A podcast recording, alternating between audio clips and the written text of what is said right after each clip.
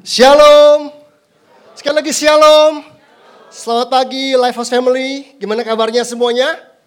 Baik? Oke, puji Tuhan. Kalaupun ada yang gak baik hari ini, saya percaya Tuhan kita selalu baik. Amin. Oke, senang sekali hari ini saya boleh ada di gereja ini.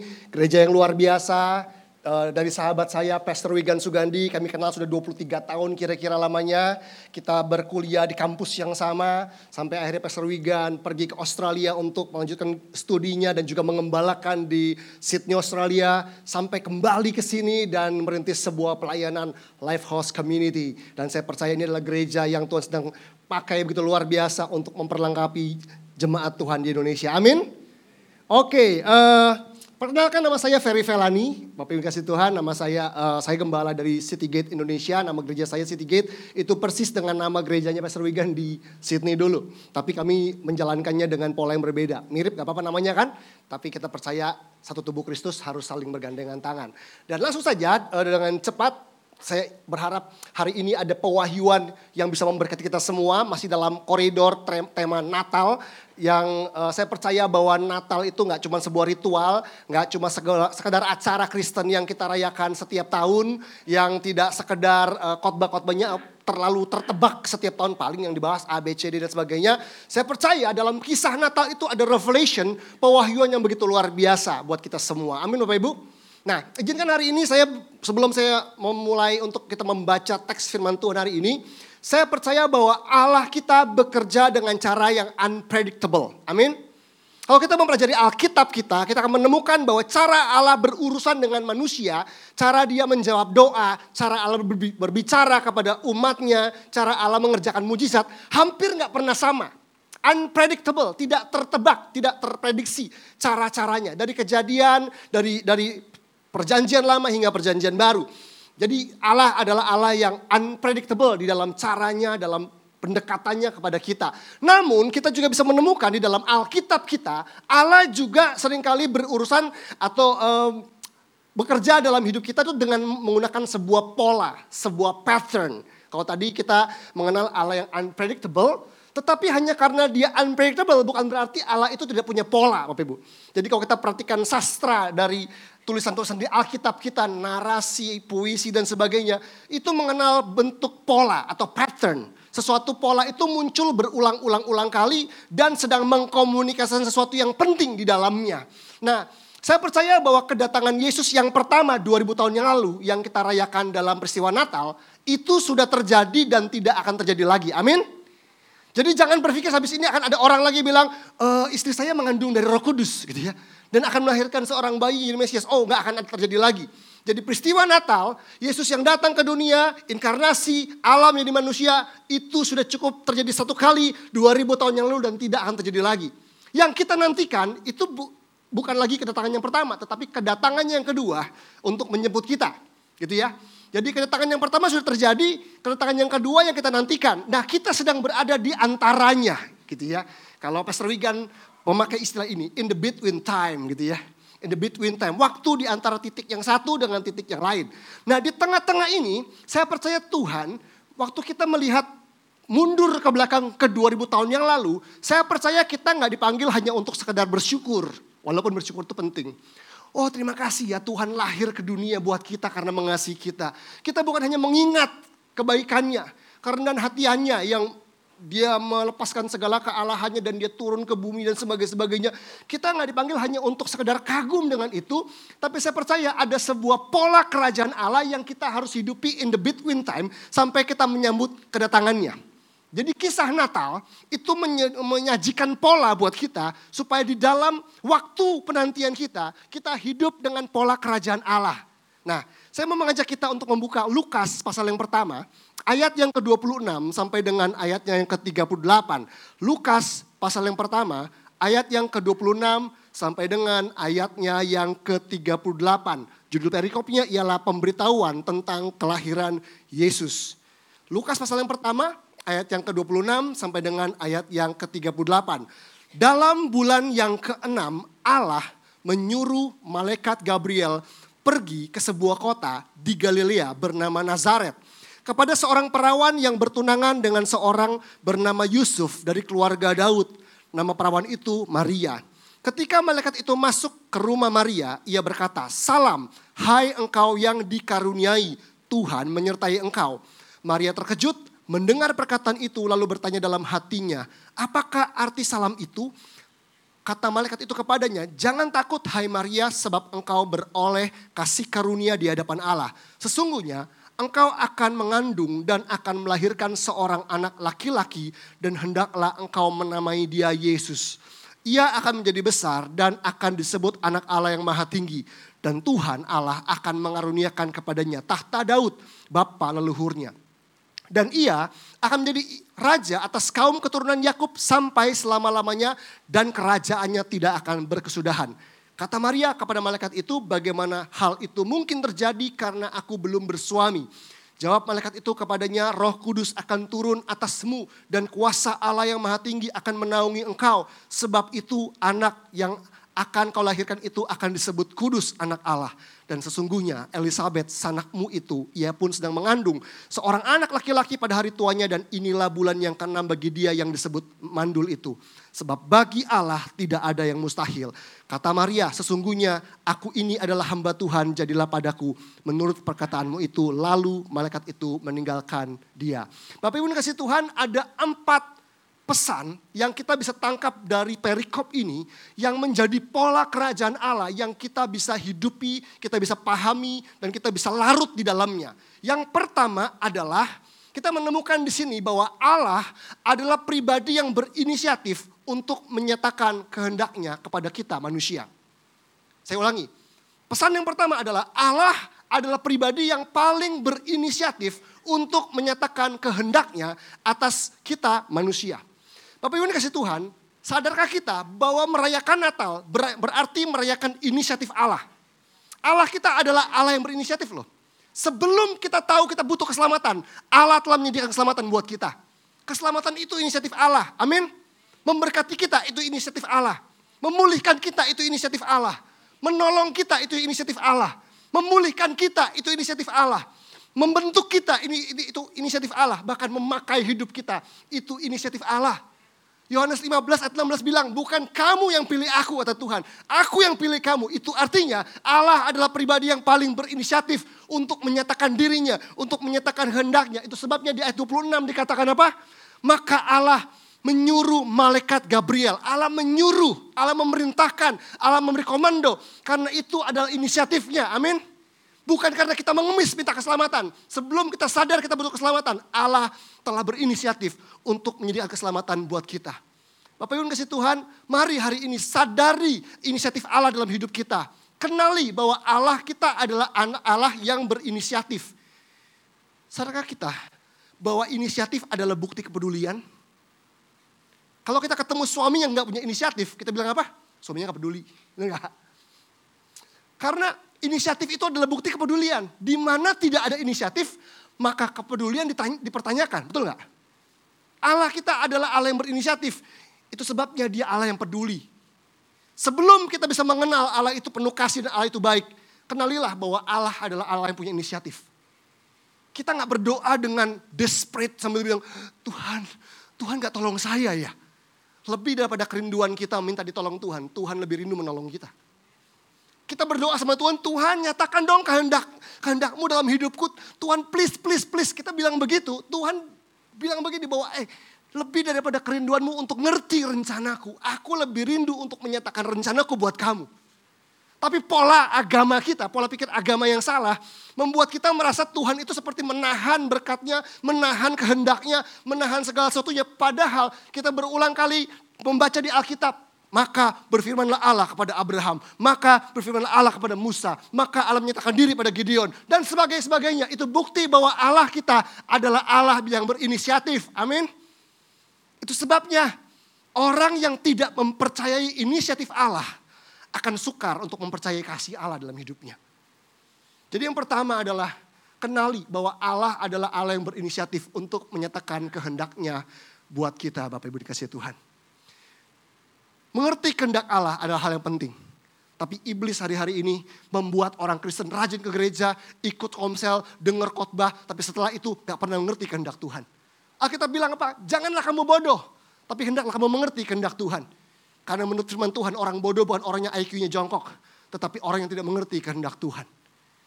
Kehendak Tuhan itu adalah sesuatu yang Tuhan mau nyatakan buat kita. Ada tiga strateginya iblis soal kehendak Tuhan. Yang pertama, membuat orang Kristen ngerasa nggak penting ngerti kehendak Tuhan. Ah nggak penting lah, jalanin aja siklus, yang penting diberkati, yang penting udah kaya. Ngapain lagi cari tahu kehendak Tuhan? Dinyatakan syukur nggak dinyatakan juga ya ya udah. Orang Kristen ada loh yang hidup cuma jalanin siklus nggak peduli. Ngerti, syukur ngerti nggak? Ya nggak ngerti juga ya udah. Ada orang Kristen yang kedua, yaitu orang Kristen yang ngerasa bahwa ngerti kehendak Tuhan itu cuma untuk orang-orang spesial. Untuk orang-orang khusus yang dekat sama Tuhan, yang kayak Pastor Wigan, kayak Bang Ruli, yang uh, pastor-pastor itulah. Kalau saya cuma jemaat biasa yang penuh dosa. Tapi Bapak Ibu dikasih Tuhan, saya percaya Tuhan punya rencana buat setiap kita. Dia rindu untuk menyatakan isi hatinya dan rencananya dan kehendaknya buat masing-masing kita karena setiap kita berharga di mata Tuhan. Amin. Yang ketiga penipuan yang juga nggak kalah dahsyat adalah ada orang Kristen yang mikirnya begini. Kehendak, kalau saya udah kenal Tuhan, kalau saya udah terima Yesus, saya udah lahir baru, maka saya percaya kalau kehendak saya otomatis sama sama kehendak Tuhan. Sama otomatis. Udah jadi satu. Jadi saya pengen apa pasti Tuhan pengen itu. Kan udah dalam Tuhan. Bapak Ibu nggak sama Alkitab bilang apa jalanku bukan jalanmu. Rancanganku bukan rancanganmu. Kita yang harus dibentuk setiap hari oleh kebenaran firman Tuhan, oleh Roh Kudus, supaya menyelaraskan kehendak kita dengan kehendak Tuhan. Karena kehendak kita nggak otomatis sama dengan kehendak Tuhan, amin. Kita yang harus dibentuk, makanya kita ke gereja, makanya kita diperlengkapi, makanya kita ditegur, disiplin. Supaya kita bisa mengerti kehendak Tuhan. Allah adalah Allah yang rindu untuk menyatakan kehendaknya buat kita Bapak Ibu. Amin. Siapa pun kita, berapapun usia kita, apa pun profesi kita. Saya percaya Tuhan rindu untuk menyatakan kehendaknya buat kita. Dan Alkitab bilang begini dalam Yohanes 3 eh, Yohanes 4 ayat yang ke-34. Yesus bilang begini, makananku ialah melakukan kehendak Bapa. Saya percaya makanan kita ialah melakukan kehendak Bapa. Amin. Ingat ayatnya bilang begini, makananku ialah melakukan kehendak Bapa. Melakukan. Jadi begini, kalau orang sudah ikut kebaktian satu dua kali, dua ibadah nih, ibadah pertama, ibadah kedua, ih kenyang lo hari ini, gue udah makan banyak. Dengar khotbah bagus-bagus di live house gitu ya. Uh, apalagi tengah minggu ada podcast, ada we talk, ada segala macam. Uh, kenyang, dengar banyak. Mendengar kehendak Allah itu belum makan Bapak Ibu. Yang namanya makan adalah melakukan kehendak Allah. Kalau mendengar itu baru kumur-kumur. Orang haus habis jogging air kalau cuma kumur-kumur nggak nggak hilang hausnya. Orang Kristen bertumbuh karena kehendak Allah. Dan dibilang makanan, makanan itu sesuatu yang buat kita kuat. Itu sebabnya kalau orang Kristen makannya kehendak Allah, dia ngerti kehendak Allah, dia baca firman Tuhan, dapat kehendak Allah, dia lakukan. Saya percaya hidupnya makin kuat. Utang boleh banyak, masalah boleh banyak, tapi kalau kita melakukan kehendak Allah, kita akan jadi pribadi yang kuat. Itu sebabnya kalau Bapak Ibu renungan tiap hari, baca Alkitab tiap hari, dengar firman tiap hari, Eh, atau hari Minggu. Enggak, jangan cuma bilang khotbahnya bagus, cocok, lucu, menarik. Tangkap dari 30-40 menit khotbah ini, apa ya kehendak Tuhan yang Tuhan nyatain buat saya ya. Tangkap itu. Karena Tuhan adalah Tuhan yang berinisiatif. Seperti dia berinisiatif untuk menyuruh malaikat Gabriel datang mencari Maria. Seperti itulah Allah berinisiatif untuk menyatakan kehendaknya buat kita. Itu poin yang pertama Bapak Ibu. Saya berdoa supaya jemaat Lifehouse menjadi pribadi-pribadi yang rindu untuk menangkap kehendak Allah. Karena Allah adalah Allah yang rindu untuk menyatakan kehendaknya buat kita. Amin. Yang kedua, kebenaran yang kedua adalah begini. Tahukah kita bahwa dalam peristiwa Natal kita menemukan bahwa Allah adalah pribadi yang rindu supaya kita terlibat dalam rencananya. Maria dan Yusuf itu gambaran dari kita loh Bapak Ibu. Maria dan Yusuf itu gambaran dari kita. Bahwa Allah cari manusia. Allah ketika bekerja di dunia ini dia cari manusia. Allah punya rencana yang besar atas dunia ini. Dan dia mau kita terlibat di dalamnya. Allah punya rencana yang besar buat generasi ini. Di tengah-tengah canggihnya generasi ini. Allah punya rencana yang besar terlepas tahun politik tahun depan. Terlepas isu Palestina dan apa, Hamas dan Israel. Allah punya rencana yang besar di mana Tuhan mau kita terlibat di dalamnya. Yang menarik adalah Tuhan cari Maria dan Yusuf. Ini kalau kita kerucutkan lagi, Tuhan mencari pasangan-pasangan untuk mengerjakan rencananya. Bapak Ibu kasih Tuhan, Kalau kita sudah menikah, menikah di gereja, diberkati hamba Tuhan, it's good. Tetapi nggak cukup hanya jadi keluarga Kristen.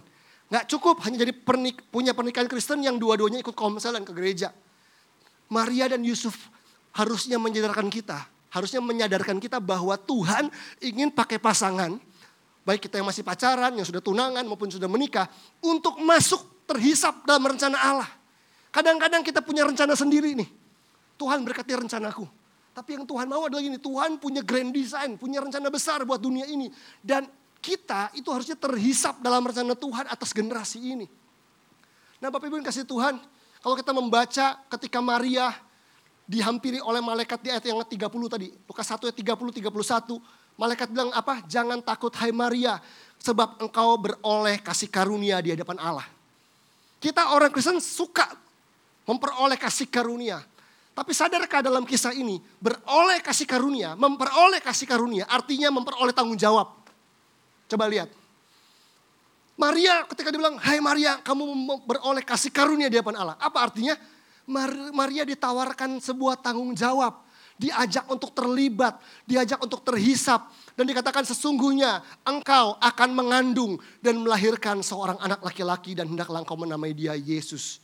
Bapak Ibu kasih Tuhan sadarkah kita bahwa Hari itu kalau kita bayangkan Maria dan Yusuf seperti pasangan pada umumnya. Enggak spesial. Seperti pada umumnya. Mereka ingin menikah, mereka pacaran, mereka membahas masa depan. Mereka sudah punya rencana nanti menikah tinggal di mana, mau ngapain. Tetapi begitu malaikat hadir dan menyampaikan pesan Tuhan. Tuhan merombak agenda mereka. Tuhan menginterupsi semua agenda dan rencana dari Maria. Kalau Tuhan mau bekerja dalam hidup kita, kalau kita mau dibawa masuk dalam rencana Tuhan, bersediakah kita jadi orang Kristen yang diinterupsi sama Tuhan?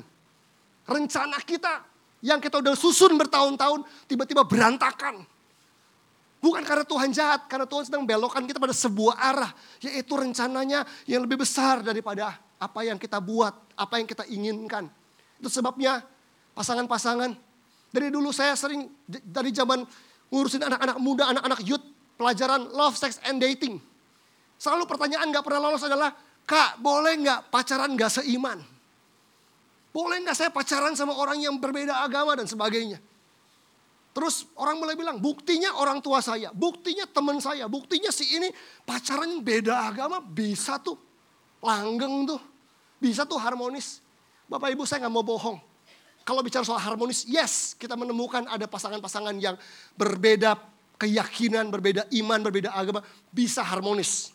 Tetapi apakah pasangan yang berbeda agama dan keyakinan bisa mengenapi rencana Allah? Tentu tidak. Jawabannya clear banget buat kita. Jadi buat yang masih single, buat yang lagi pacaran, ini pesan buat kita. Satu kali Anda membangun hubungan dan menikah, Anda menikah untuk mengenapi rencana Allah. Amin. Kejadian 1 ayat 2728 udah bahas itu loh. Maka diciptakannya mereka laki-laki dan perempuan, Allah memberkati mereka. Lalu Allah berfirman apa? Berkuasalah, taklukkanlah itu. Bertambah banyaklah dan sebagainya. Itu rencana Allah. Jadi pernikahan itu ada untuk mengerjakan rencana Allah. Saya menikah dengan istri saya namanya Fania. Menikah kurang lebih dari tahun 2011 Bapak Ibu. Waduh kami berdua, uh, gimana ya gini. Saya pernah punya pacar satu kali waktu saya SMP. Cinta monyet.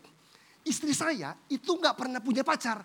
Jadi saya adalah pacar pertama dan terakhir. Itu kayak lagu dunia tuh, lagu sekuler. Kau cinta pertama dan terakhirku. Lagunya Sherina gitu ya. Wah saya kan bangga kan. Saya bilang wah ini nih saya kayak nggak ada yang lain ya gitu ya. Kalau lagu zaman dulu lagunya Vina Panduwinata. Gak mau yang lain, cuma sama kamu. Asik gitu kan. Saya kayak merasa diperjuangkan gitu. Mengalahkan banyak pria yang lebih kaya daripada saya, lebih ganteng. Kok milih saya ya gitu ya. Mungkin karena itu hari itu saya cenderung cinta Tuhan gitu ya, pelayanan dan prinsip mencari pasangan hidup adalah jenis umpan menentukan jenis ikan. Nah, gitu kan. Jadi kalau saya ngumpannya pakai kekayaan mungkin dapatnya cewek matre begitu ya. Tapi kita umpannya dengan kehendak Tuhan, melayani Tuhan, dapatnya juga pelayanan. Jadi singkat cerita, saya belum pernah pacaran, nggak pernah macem-macem dengan dengan wanita, nggak berani juga. Istri saya nggak pernah pacaran gitu, saya cuma sekali. Waktu kami pacaran dan mulai menikah, tahu nggak? Kami ributnya dahsyat banget, kami berantemnya itu dahsyat banget. Kita berantem betul-betul, waduh. Saya pikir ini kalau jemaat saya lihat saya berantem, pada pindah gereja deh kayaknya. Kami baru menikah itu berantemnya luar biasa. Ini dua orang mulutnya wah gitu ya. Saya nggak pernah marah. Di gereja dulu dibilang pastor paling sabar tuh saya. Pastor kan tanya deh, saya paling sabar nggak pernah marah-marah gitu ya. Saya bisa marah, saya bisa teriakin istri saya. Saya bisa pukul pintu, pintu kamar. Satu kali baru menikah nih, tahun-tahun pertama, mama saya kirim rantangan, eh, makanan rantangan nih, sore-sore. Ada nasi, ada sop, ya rantang kedua, rantang ketiga tuh tahun tempe. Taruh di meja makan, kita baru pulang dari habis kantor dia eh, jemput dari kantor, ngobrol gitu ya, pokoknya berdebat, berantem, saya marah, emosi, saya pukul tuh rantang. Wah gitu ya. Itu nasi, sop sama sayap ayam masuk kolong. Wah pokoknya udah berantakan semua. Saya marah gitu. Saya makin marah semakin seneng. Karena apa? Nih gue gak bisa diatur gitu kan. Nih lu akan tunduk sama gue. Saya kayak ngerasa puas hari itu. Begitu marahnya reda, tiba-tiba saya sadar itu sayap ayam kenapa ada di kolong gitu ya. Ini kan makanan berkat Tuhan buat buat buat kami. Kenapa saya pukul tuh rantang begitu. Saya terdiam, saya minta minta maaf sama istri saya, dia juga minta maaf, kita baikkan, kita doa. Kita sampai bilang Tuhan, saya nggak kebayang sama teman-teman yang masa lalunya berantakan lebih parah daripada kami. Yang pacarannya lebih gak benar dari kami. Kami yang kayaknya ngejaga hidup aja berantemnya kayak begini Tuhan. Gimana teman-teman yang lebih parah dari kami ya gitu kan. Saya doa sama Tuhan dan hari itu tahun-tahun 2014 kalau nggak salah saya ada satu pertemuan uh, pemuritan dengan satu hamba Tuhan yang saya tahu pernah khotbah di sini. Namanya Pastor Jonathan Patiasina. Itu adalah mentor juga mentor dari Pastor Wigan juga. Dan saya sedang ikut pertemuan di situ tiap bulannya gitu ya dengan Kak Jo. Kita manggilnya Kak Jo. Uh, pertemuan pemuritan yang sharing sesuatu tentang firman Tuhan. Sebelum dia mulai satu kali, dia lagi santai-santai berdiri di meja apa di, di, di depan kelas. Kelasnya belum mulai. Tiba-tiba dia komen begini uh, saya makin menyadari hidup saya tuh nggak ideal, dibilang gitu. Hah? Maksudnya nggak ideal gimana? Jadi kalau Bapak Ibu pernah tahu, Pastor Jotan Petias ini tinggalnya di Melbourne. Tinggalnya di Melbourne. Tapi dia sering ke Indonesia gitu kan. Dia bilang bahwa harusnya dua minggu di Indonesia, dua minggu di Melbourne. Tapi bulan ini dia bilang, bulan ini saya tiga kali bolak-balik Indonesia dalam satu bulan aja. Jadi saya seperti nggak menepati janji saya, dia bilang begitu. Oke, terus tiba-tiba dia komentar begini saya makin menyadari bahwa tujuan pernikahan bukanlah membangun keluarga bahagia. Saya tiba-tiba kaget. Karena ini orang yang berkatin saya Bapak Ibu. Kak Jo ini orang yang memberkati pernikahan kami. Tiba-tiba tiba-tiba dia komen, saya makin sadar bahwa tujuan pernikahan kita tuh bukan untuk membangun keluarga bahagia. Saya bilang, lah aduh, aduh kayaknya saya pengen bahagia nih menikah gitu kan. Saya mulai pikir-pikir kalau saya menikah tuh pengen apa sih? Saya suka dapat selebaran klaster tuh ya kalau orang jualan rumah klaster gitu ya. Ada suami, istri, anak, dua mobil, rumah bagus. Kepengen kayak begitu. Tapi kita kepengen bahagia. Orang kalau konseling pranikah pengen apa menikah? Supaya bahagia. Ada yang ngelonin, ada yang ngajakin makan gitu ya. Ih pengen itu. Terus saya jadi pengen, jadi jadi untuk apa menikah kalau nggak pengen bahagia? Dia bilang, saya makin sadar bahwa tujuan pernikahan bukan untuk membangun keluarga bahagia. Tapi tujuan pernikahan adalah jiwa-jiwa. Tujuan pernikahan adalah keserupaan dengan Kristus. Tujuan pernikahan adalah kerajaan Allah. Tujuan pernikahan adalah mengerjakan amanat agung Tuhan Yesus. Dan kalimat terakhir dia bilang ini, tujuan pernikahan adalah menggenapi rencana Allah. Saya kaget Bapak Ibu, itu kalimat kayak lompat nabrak hati saya. Saya pulang, saya ajak berembuk istri saya. Sayang, tadi Kak Jo bilang bahwa tujuan pernikahan bukan, bukan supaya kita membangun keluarga bahagia. Tapi untuk kerajaan Allah, untuk mengerjakan amanat agung, untuk mengenapi rencana Allah. Boleh nggak setelah ini kita mulai ubah yuk? Tujuan kita menikah bukan lagi untuk bahagia. Oh ya udah, Bapak Ibu kita sepakat untuk mengubah visi pernikahan kami. Apa yang terjadi? Kami tiba-tiba jarang banget berantem. Kita mau ribut tiba-tiba ngerasa rencana Tuhan lebih besar daripada keributan kita. Nggak jadi. Gak jadi berantem karena kita melihat bahwa rencana Tuhan, hati Tuhan buat jiwa-jiwa lebih penting daripada ego kami masing-masing. Kami bukan anti kebahagiaan. Firman Tuhan juga bilang berbahagialah orang yang begitu. Tetapi saya percaya bahwa kebahagiaan itu bukan ultimate purpose, bukan tujuan utama. Kebahagiaan hanyalah efek samping dari bertindak benar. Kejar apa yang benar, kejar isi hati Tuhan. Kebahagiaan itu cuma efek samping. Justru karena orang mengejar mati-matian kebahagiaan, jadi nggak bahagia kan? Kenapa orang bercerai? Karena dua orang punya bahagia versinya, sama seperti saya dan istri saya. Kenapa or, orang tuh berzina dan sebagai selingkuh? Karena orang mengejar kebahagiaan versi masing-masing. Tapi coba kejar kehendak Tuhan. Tiba-tiba frekuensi ributnya kami berkurang jauh. Bahkan sampai tiga tahun terakhir ini kami udah hampir gak pernah berantem Bapak Ibu. Bukan karena gak ada konflik, bukan karena gak ada perbedaan. Karena kami bisa melihat bahwa rencana Tuhan lebih besar daripada itu semua. Dan Tuhan sedang menghisap kami untuk terlibat dalam rencananya. Yang ketiga, kebenaran yang ketiga adalah begini. Kita harus mengizinkan roh kudus untuk menaruh benih visi di hati kita. Maria adalah orang biasa. Dan Alkitab mengatakan bahwa roh kudus menaungi dia dan supaya dia mengandung Yesus. Saya percaya bahwa kita tidak akan lagi mengandung Yesus. Yesus adalah gambaran dari puncak dari rencana Allah atas dunia ini untuk keselamatan kita semua. Tetapi saya percaya waktu Yesus sudah lahir ke dunia ini 2000 tahun yang lalu, tapi setiap kita Bapak Ibu dipanggil untuk melahirkan Yesus, tanda kutip ya, melahirkan itu artinya memanifestasikan Yesus melalui hidup kita. Saya ingat tahun 2014, saya berkhotbah di sebuah gereja besar, salah satu gereja terbesar di Jakarta. Hari itu saya belum seperti Pastor Wigan sepertinya. Saya belum pernah khotbah di tempat yang ribuan orang. Itu pertama kali. Dan tiba-tiba ketika saya maju ke, ke sebuah stage yang besar, ribuan orang di situ, saya pegang mic dan siap untuk doa sambil gemeter. Ya ampun Tuhan tolong saya Tuhan, saya belum pernah khotbah di tempat sebesar ini. Tiba-tiba Roh Kudus bilang begini, buka mata kamu. Buka mata kamu, saya buka mata. Tiba-tiba Roh Kudus bilang, lihat orang yang hadir. Saya lihat dengan mata saya orang yang hadir, ada anak muda, ada anak kecil, ada oma-oma pakai tongkat, ada opa eh ada opa-opa pakai tongkat, ada oma-oma pakai kursi roda. Saya lihat semuanya. Tiba-tiba Tuhan bilang begini di hati saya. Coba lihat mereka semua. Tahukah kamu bahwa mereka ada di sini harusnya nggak cuma nyanyi buat aku, nggak cuma dengar khotbah, nggak cuma sekedar memberikan persembahan. Tahukah kamu bahwa di dalam diri setiap orang ini aku telah menaruh rencanaku, Aku telah menaruh visiku, aku telah menaruh panggilanku dalam hidup setiap orang. Dan harus ada orang yang tolong mereka. Saya kaget 2014. Di situlah saya menemukan sebuah visi yang akhirnya kami pakai menjadi visi dari gereja kami. Fulfilling your God-given destiny. Fulfilling your God-given destiny. Kami mau semua orang yang kami layani, semua orang yang kami gembalakan harus menemukan dan mengenapi rencana Allah dalam hidupnya. Bapak Ibu kasih Tuhan, saya percaya setiap kita juga dipanggil untuk hal yang sama, amin. Kita dipanggil untuk menggenapi rencana Allah. Mungkin yang pria-pria kita nggak punya rahim, tapi saya percaya kita semua punya rahim rohani, tanda kutip. Rahim rohani adalah tempat di mana Allah menaruh benih visi di hati kita. Visinya, ada orang Kristen yang nggak punya visi. Kalau ditanya, apa tujuan hidupmu? Gak tahu. Gak tahu, ngalir aja. Ngalir aja punya arah Bapak Ibu. Kalau air itu ngalir punya arah kan, yang nggak punya arah tuh menggenang gitu ya. Jadi kalau orang Kristen bilang mengalir tapi dia nggak punya arah namanya dia menggenang sebenarnya, bukan mengalir. Ada orang Kristen yang punya visi, punya tujuan tapi dari diri sendiri. Aku mau ini, ini, ini. Aku nanti mau itu, itu, itu dan sebagainya. Dia punya visi tapi dari dirinya sendiri. Tapi ada orang Kristen yang ketiga.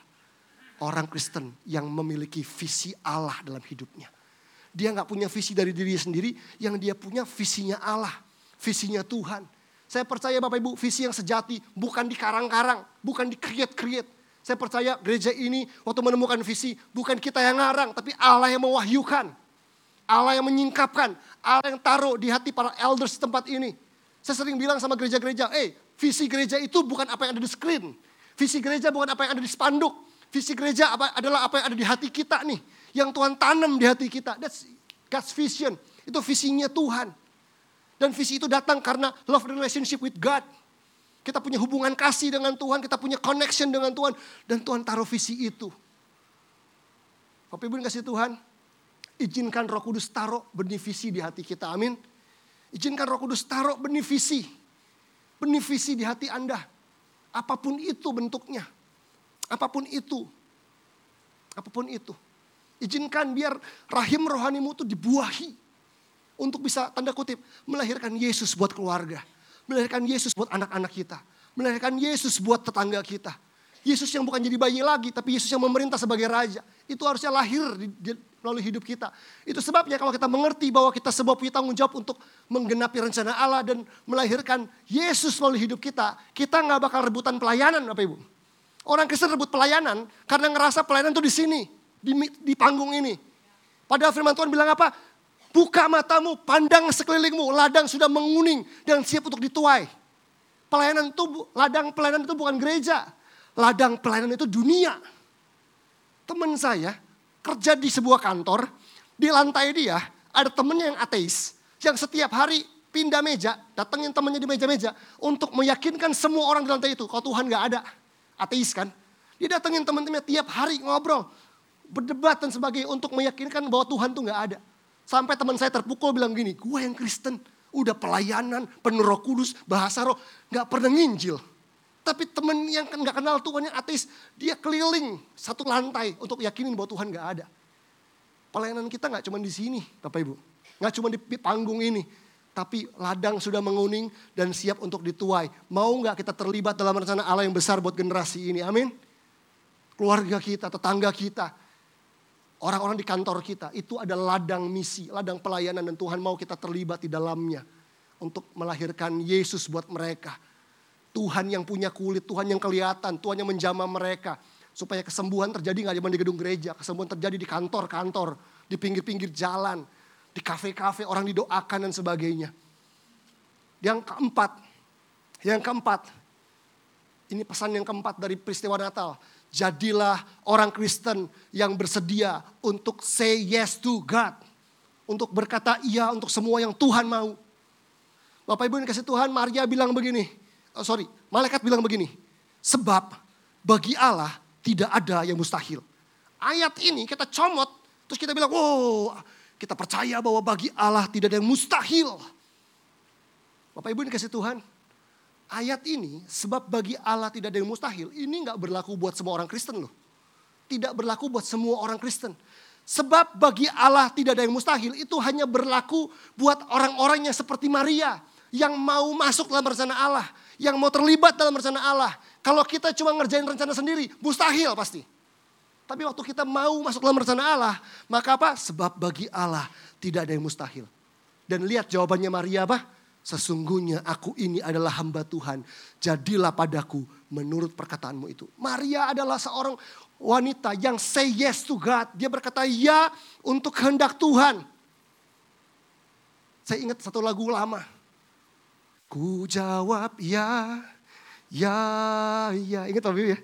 Ku jawab ya, ya, ya. Ku jawab ya Tuhan, ku jawab ya Tuhan, ku jawab ya, ya, ya. Ketika kita berkata ya pada Tuhan, sesungguhnya kita sedang berkata tidak pada iblis. Ketika kita berkata ya pada iblis, sesungguhnya kita sedang berkata tidak pada kehendak Allah. Hati-hati. Hati-hati. Tapi Tuhan sedang cari orang-orang yang say yes to God. Maria adalah orang yang menemukan rencana Tuhan dalam hidupnya. Dan ketika ditawari itu, kamu akan mengandung dan melahirkan. Dan dia say yes to God. Apa yang menjadi suara Tuhan buat Anda? Apa yang menjadi kehendak Tuhan buat Anda? Bersediakah kita diinterupsi oleh Allah dan berkata, ya aku mau Tuhan. Dan kita lompat ke situ Bapak Ibu. Matius 13 ayat 43 sampai 45 adalah mengisahkan tentang harta, perumpamaan tentang harta terpendam dan mutiara berharga dan itu adalah skripsinya Pastor Wigan waktu S1 dulu. Saya masih ingat. Skripsinya Pastor Wigan membahas tentang harta terpendam dan mutiara berharga. Dikatakan bahwa ada seseorang yang ketika dia bekerja di ladang dia menemukan harta terpendam. Apa yang dia buat? Dia menaruhnya lagi, memendamnya lagi dan dia menjual seluruh miliknya dan membeli ladang itu supaya bisa memiliki harta itu. Ada orang yang ketika dia pergi menemukan mutiara berharga dan dia pulang ke rumah dan dia menjual seluruh miliknya untuk membeli mutiara itu. Menemukan kehendak Tuhan. Menemukan isi hati Tuhan. Itu sama seperti menemukan harta terpendam dan menemukan mutiara berharga Bapak Ibu. Harganya adalah jual seluruh milikmu. Bayar dengan segenap hidupmu. Berkata ya pada kehendak Tuhan. Katakan yes untuk semua yang Tuhan mau dalam kehidupan Anda seorang pria terkenal dari Amerika namanya Hugh Hefner. Kita mungkin nggak mengenal dia, tapi dunia banyak orang mengenal dia. Hugh Hefner. Siapa dia? Dia adalah pendiri industri pornografi terbesar di Amerika yang namanya Playboy. Hugh Hefner. Dia bangun apa? Empire, dia bangun uh, kerajaan industri pornografi terbesar di Amerika. Dan sampai masa matinya, masa hidupnya, industri itu telah merusak mungkin jutaan manusia. Saya membaca dari sebuah artikel dari Desiring God, uh, desiringgod.com dari John Piper. Bagaimana impact dari seorang Hugh Hefner. Hugh Hefner meninggal di usia 91 tahun Bapak Ibu. 91 tahun, 2017 dia dipanggil Tuhan. Jadi di sini dengan segala hormat Bapak Ibu yang senior, usia senior, lihat ada orang yang sampai akhir hidupnya di umur 91 tahun masih aktif dipakai iblis untuk merusak jutaan manusia. Dia bangun dengan begitu dahsyat. Meninggal tahun 2017. Di tahun setahun kemudian 2018 meninggal satu pria lagi dari Amerika di usia 99 tahun namanya Billy Graham. Pria sama-sama tua tapi berbeda. Billy Graham di masa tuanya menjadi inspirasi dan berkat buat generasi demi generasi. Jutaan orang datang pada Yesus karena orang ini. Saya baca bukunya, satu buku Billy Graham dan dia cerita. Billy Graham waktu usia 16 tahun adalah seorang anak muda yang eh, penggemar olahraga baseball. Dia fansnya baseball. Dia punya cita-cita, punya mimpi untuk menjadi pemain baseball terkenal. Dia membayangkan dirinya dari sebuah stadion, pegang stick baseball, dia lempar bola, dia pukul, tang, home run. Terus dia lari, orang akan teriak, Billy, Billy. Itu gambaran dia, itu bayangan dia, itu hayalan dia. Dia ingin menjadi pemain baseball terkenal. Sampai di, di usia 16-17 tahun, Tuhan menyatakan diri dan mulai memanggil dia untuk terlibat dalam rencananya. Kebetulan hari itu Billy Graham dipanggil menjadi seorang penginjil. Billy, mau gak kamu kasih hidupmu untuk memberitakan Injil? Dan Billy Graham melepaskan impiannya tentang baseball. Dia berkata ya pada kehendak Tuhan. Dia sekolah Alkitab, dia mulai menginjil, dia mulai bikin KKR, crusade demi crusade, KKR demi KKR. Orang-orang mulai dimenangkan buat Yesus. Sampai satu kali di pertengahan usianya, Billy Graham berdiri di stadion baseball terbesar di Amerika. Dia bilang, dia bilang hari dulu waktu saya muda, saya berhayal ada di tempat ini dan hari ini saya ada di sini katanya. Saya sedang berdiri di sebuah stadion baseball terbesar di Amerika.